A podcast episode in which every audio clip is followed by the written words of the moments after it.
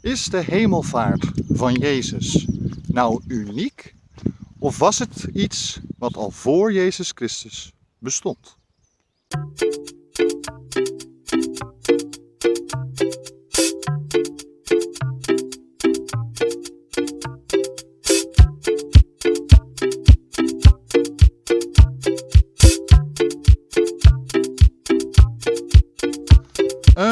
Hele goede morgen en welkom bij deze nieuwe aflevering van de podcast De Ochtendwandeling. Mijn naam is Bastiaan Toornent, ik ben theatermaker, acteur, podcaster en ook uh, uh, opiniemaker, maar ik ben met name een hondenliefhebber.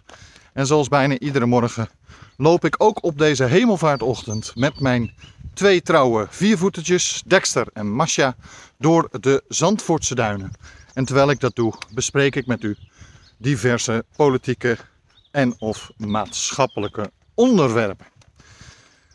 Uh, u kunt deze podcast natuurlijk vinden op iTunes, Spotify, Google Podcasts en diverse andere podcastplatformen of apps.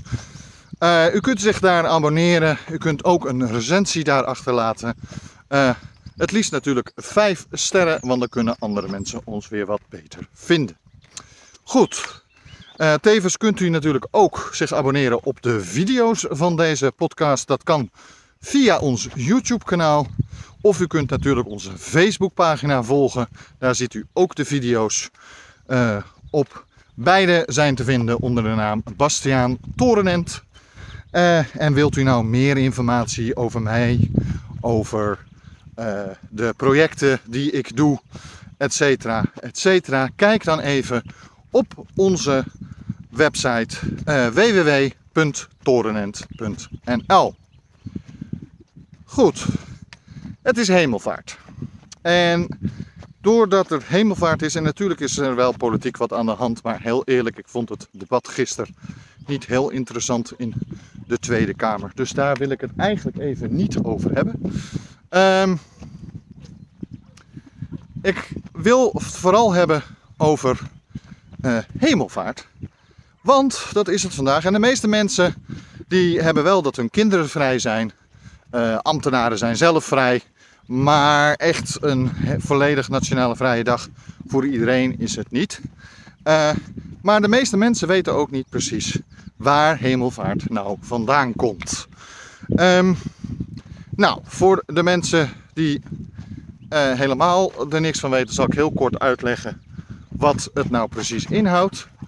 Um, in feite is uh, Jezus met Pasen gekruisigd, uh, althans op Goede Vrijdag.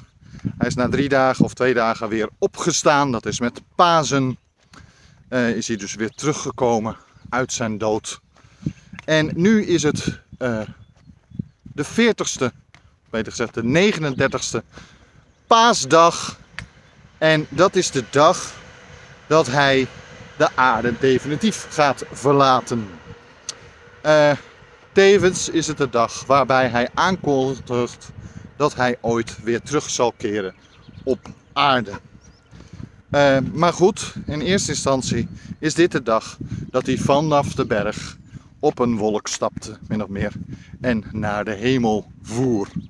Terug naar zijn vader, uh, de zogenaamde Heer Gaie, of hoe je hem ook wil noemen. Nou, dat is heel kort en kort door de bocht het verhaal van hemelvaart. En de christenen zien dit uh, afhankelijk van welke stroming, maar er zijn uh, zowel gereformeerde als katholieken hebben doorgaans dat dit een van de belangrijkste christelijke dagen is in het jaar. Het is altijd natuurlijk afhankelijk van de maanstand wanneer het gehouden wordt. Maar doorgaans is het inderdaad op de donderdag een week voor Pinksteren. Waar Pinksteren over gaat, leg ik over een week wel weer uit. Goed. Uh, in feite heb je dus hemelvaart. Dus de zoon van God ging terug naar de hemel, terug naar zijn vader. Maar is dit nou een uniek christelijk verhaal? Of komt het ergens anders ook voort? En is dat eigenlijk mede het bewijs dat het christendom niets meer is dan het samenvoegen van verschillende geloven en verschillende uh, mythes in één persoon. Nou, als laatste kan ik meteen aangeven, en het spijt me zeer voor de christenen die heel erg sterk geloven en letterlijk geloven in het verhaal van Jezus. Het laatste is het geval. Het is het bewijs dat christendom niets anders is dan een samenraap van diverse, uh, diverse verhalen op één uh, persoon, Jezus Christus, de zogenaamde nieuwe Messias. En hoe kom ik daarop? Nou, als eerste uh, moet je zo zien dat de zekere apostelen, of in ieder geval de stroming van Jezus, uh, en nou ja, zover we uh, kunnen zien, heeft hij wel degelijk bestaan. De stroming van Jezus was een soort uh, rebelse beweging die in actie kwam tegen de Romeinse bezetting, maar ook tegen het uh, elitaire gedrag van de Joodse uh, nou ja, heersers, of in ieder geval de Joodse hoge priesters.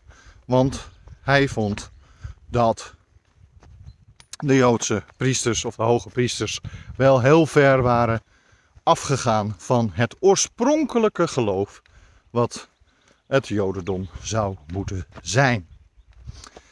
Uh, dus het idee dat hij een messias was, is een, is een beetje de vraag.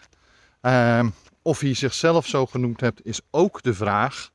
Uh, het gaat er in ieder geval om dat hij wel degelijk een stroming was binnen de nou ja, protesten. En deze protesten waren al veel eerder ehm, bij de inname van Jeruzalem en van uh, Israël door de Romeinen bestond er al een andere man.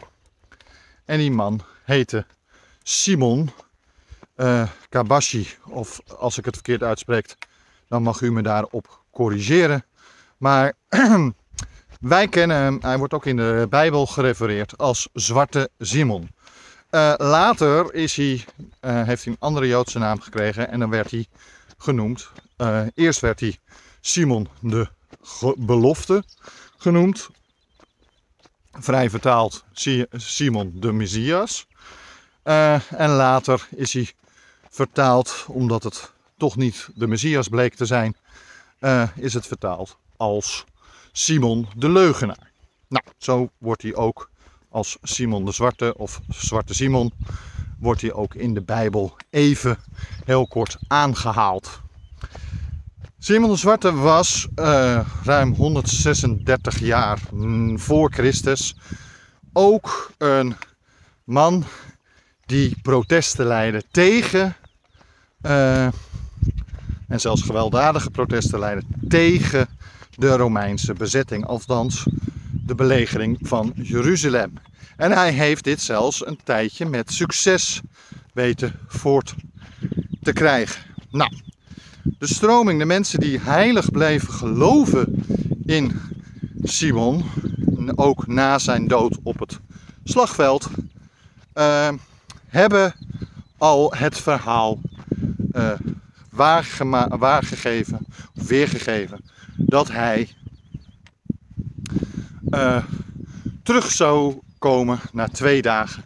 Na drie dagen zou weder opstaan. En dat hij dan later weer terug naar de hemel zou gaan. Hemelvaart. Het, dit maakte hem onder de gelovigen en onder de toen redelijk grote stroming die nog steeds bleef geloven in zijn uh, messiaschap, maakte hem natuurlijk mythisch en dat heeft Jezus en zijn kornuiten natuurlijk meegekregen, aangezien dit al meer dan 136 jaar eerder gebeurde dan de geboorte van Jezus zelf. Nou, Tevens klopt uh, bijvoorbeeld het hele verhaal van Herodes, die allemaal kleine kinderen dood uh, om dan maar de Messias, waarmee in de Bijbel Jezus Christus wordt bedoeld. Uh, klopt dat niet met de geschiedschrijving? Want er was inderdaad een koning Herodes tijdens de geboorte van een van de zogenaamde Messiassen. Maar dat was tijdens Simon.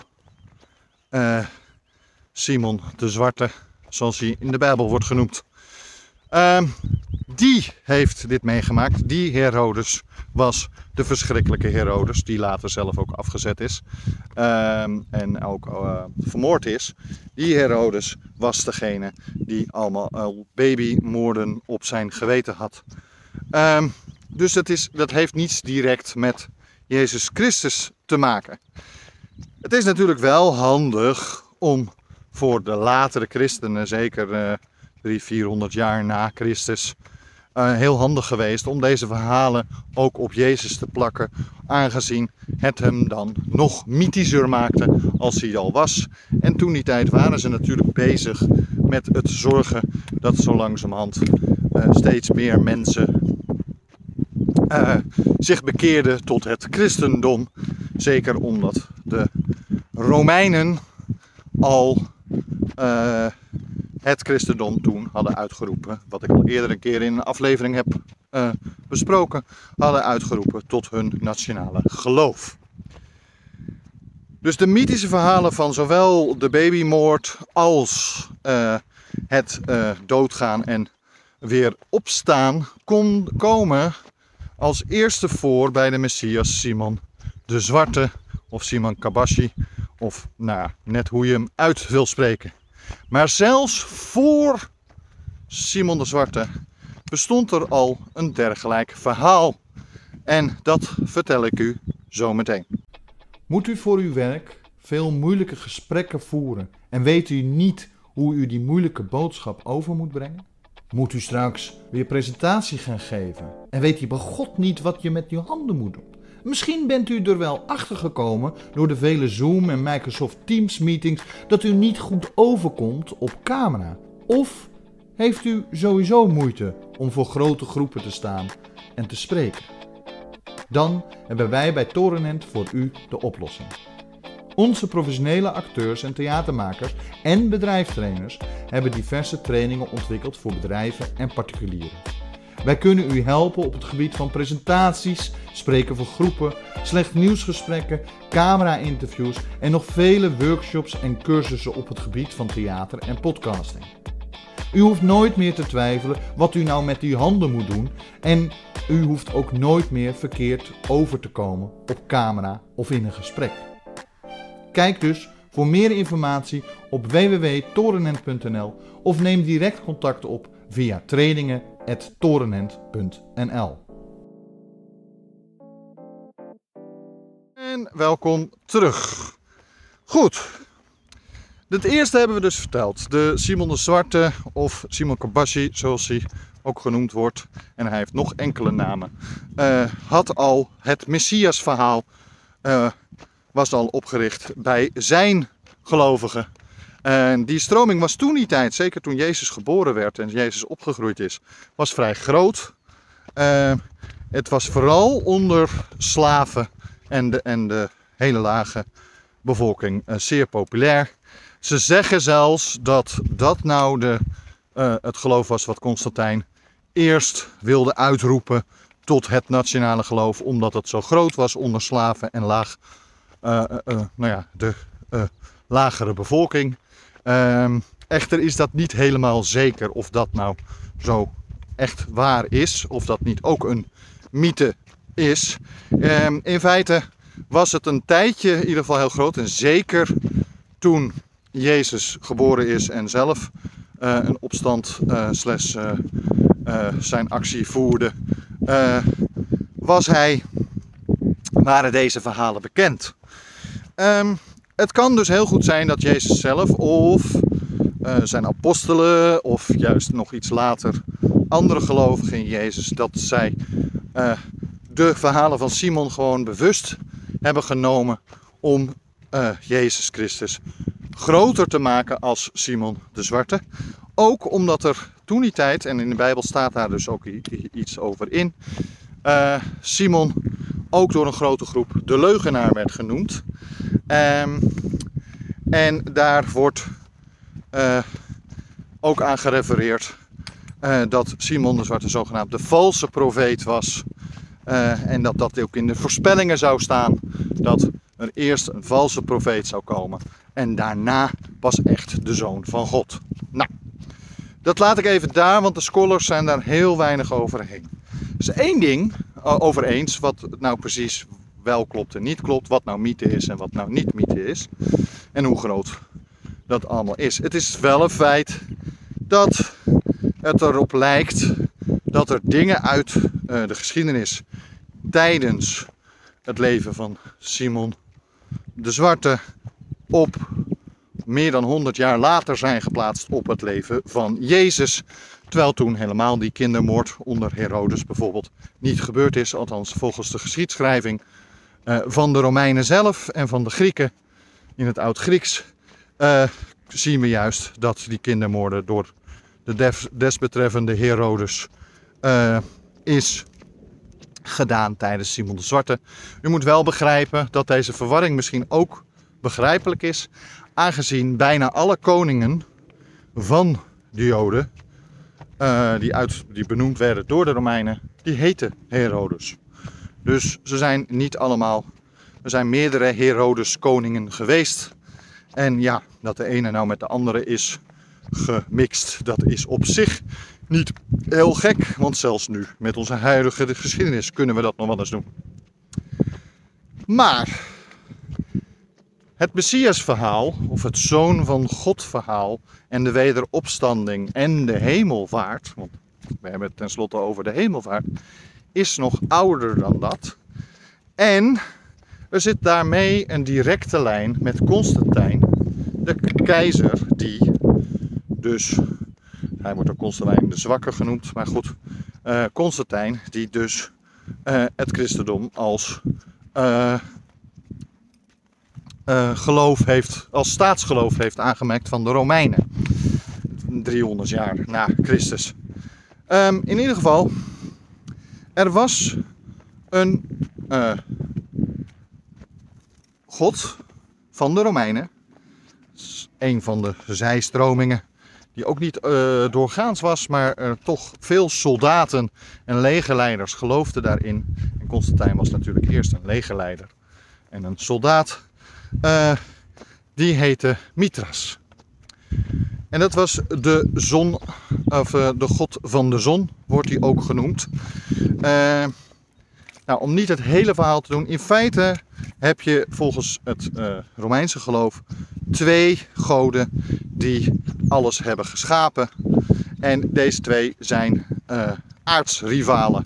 Eén van de donkerte en de kou en de andere van de zon en van het licht. Nou, Mitra, uh, om de strijd tussen deze twee voor eens en altijd te bepalen, uh, heeft de zonne, of de god die ook de zon heeft en van het licht heeft gemaakt, heeft een zoon gemaakt uit een maagdelijke steen. Dus niet uit een maagdelijke vrouw, maar uit een maagdelijke steen. Hoe een steen maagdelijk kan zijn, weet ik niet. Maar goed, toch. Um, en die zoon, die werd, uh, heeft eerst gestreden met de zon. Uiteindelijk heeft de zon zich onderworpen aan hem. En met de zon samen heeft hij twaalf volgelingen gekregen om te zorgen dat uh, de donkere God voor altijd ten onder zou gaan, althans niet zou regeren over de mensen of over de aarde. Nou, op zich is dit natuurlijk een vrij bekend verhaal, aangezien dat ook hetzelfde verhaal ook bij de christenen voorkomt, alleen dan in de vorm van Jezus. Hij was dus, Bitras was dus de zoon van de oppergod. Hij kwam naar de aarde, heeft eerst op de aarde zelf geregeerd, om uiteindelijk eh, in een laatste gevecht min of meer dood te gaan. In dat laatste gevecht heeft hij de donkere wezens weten te verslaan, eh, zodat de mensen voortaan in vrede zouden kunnen leven. En ook dat komt natuurlijk bekend voor, want Jezus is zogenaamd gestorven voor onze zonde, uh, zodat wij weer in vrede zouden kunnen leven. Nou, uh, vervolgens heeft Mitras, is Mitras na drie dagen weer opgestaan. Komt ook wel bekend voor, hè? En vervolgens is hij uh, na 40 dagen voor eens en altijd, hoe heet het, naar, zijn naar zijn vader, de God, in de hemel gezegen, gestegen. Nou, ook zeer bekend. Dat is dus hemelvaart vandaag. Uh, maar dan met Jezus. Dus deze mythe uh, van de Mitra, Mitras, de god van de zon, uh, van de Romeinen. En dit geloof is natuurlijk ouder dan,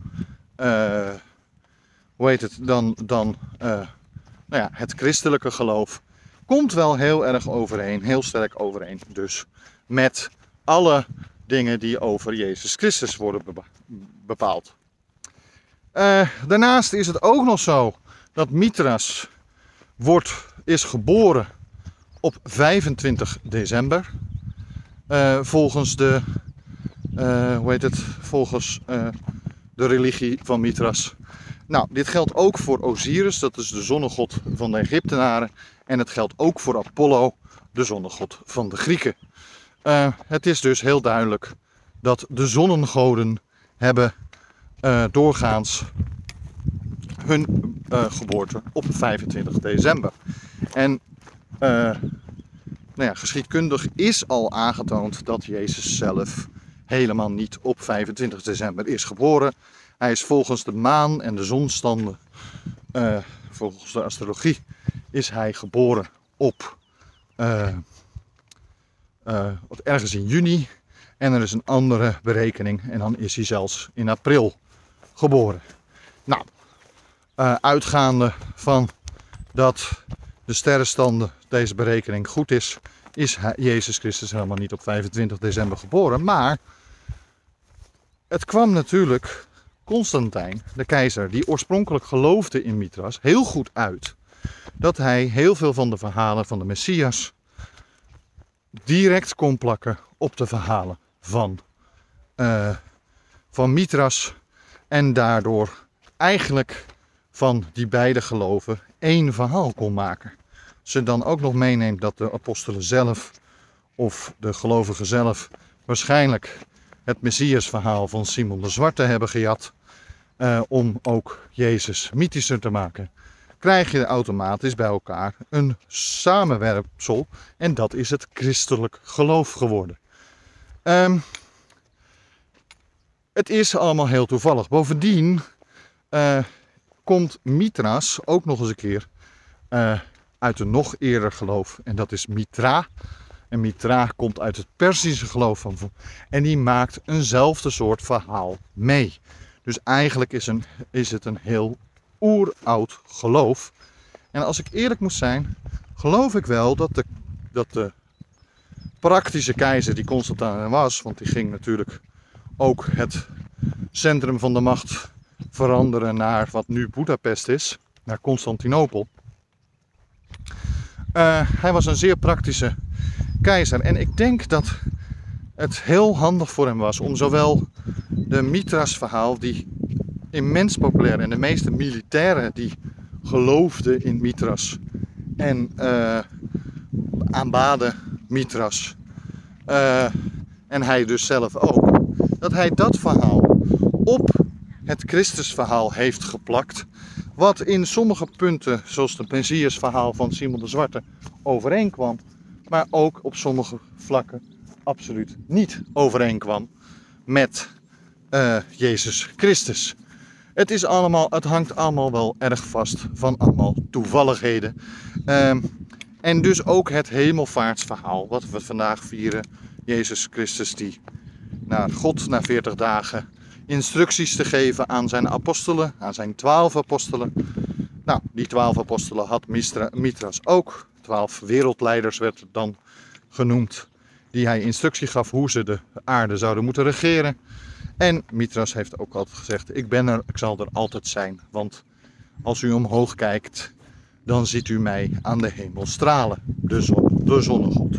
Nou, ik wil dus niets afdoen aan het christelijk geloof. Mensen mogen geloven wat zij willen. Dat meen ik echt. Ik vind alleen wel altijd goed als mensen beseffen dat dit soort geloven en dit soort mythes en dergelijke vaak al veel ouder zijn dan hun eigen geloof. En dan mag je nog heilig geloven in dat, dat wat jij hebt wel klopt. Maar neem ook heel veel dingen als een verhaal om te zorgen dat de daden van uh, Jezus Christus niet werden vergeten. Want zo moet je het zien. Als jij er een mythische figuur van maakt, van uh, Mithras, of uh, van Jezus Christus, dan zal hij niet vergeten worden. En dan geeft het meer weerslag bij een grotere groep. Um, en heb je dus ook meer invloed uh, in hoe deze mensen gaan leven. En naar jou of, nou ja, zogenaamde godsgeboden leven. Nou, ik hoop dat ik niemand heb beledigd met dit filmpje of met deze aflevering van de podcast. Het is alleen een stukje geschiedenis wat ik u mee wilde geven. Nou, morgen zijn we er weer en dan gaan we het waarschijnlijk toch wel even over de politiek hebben. Tot morgen.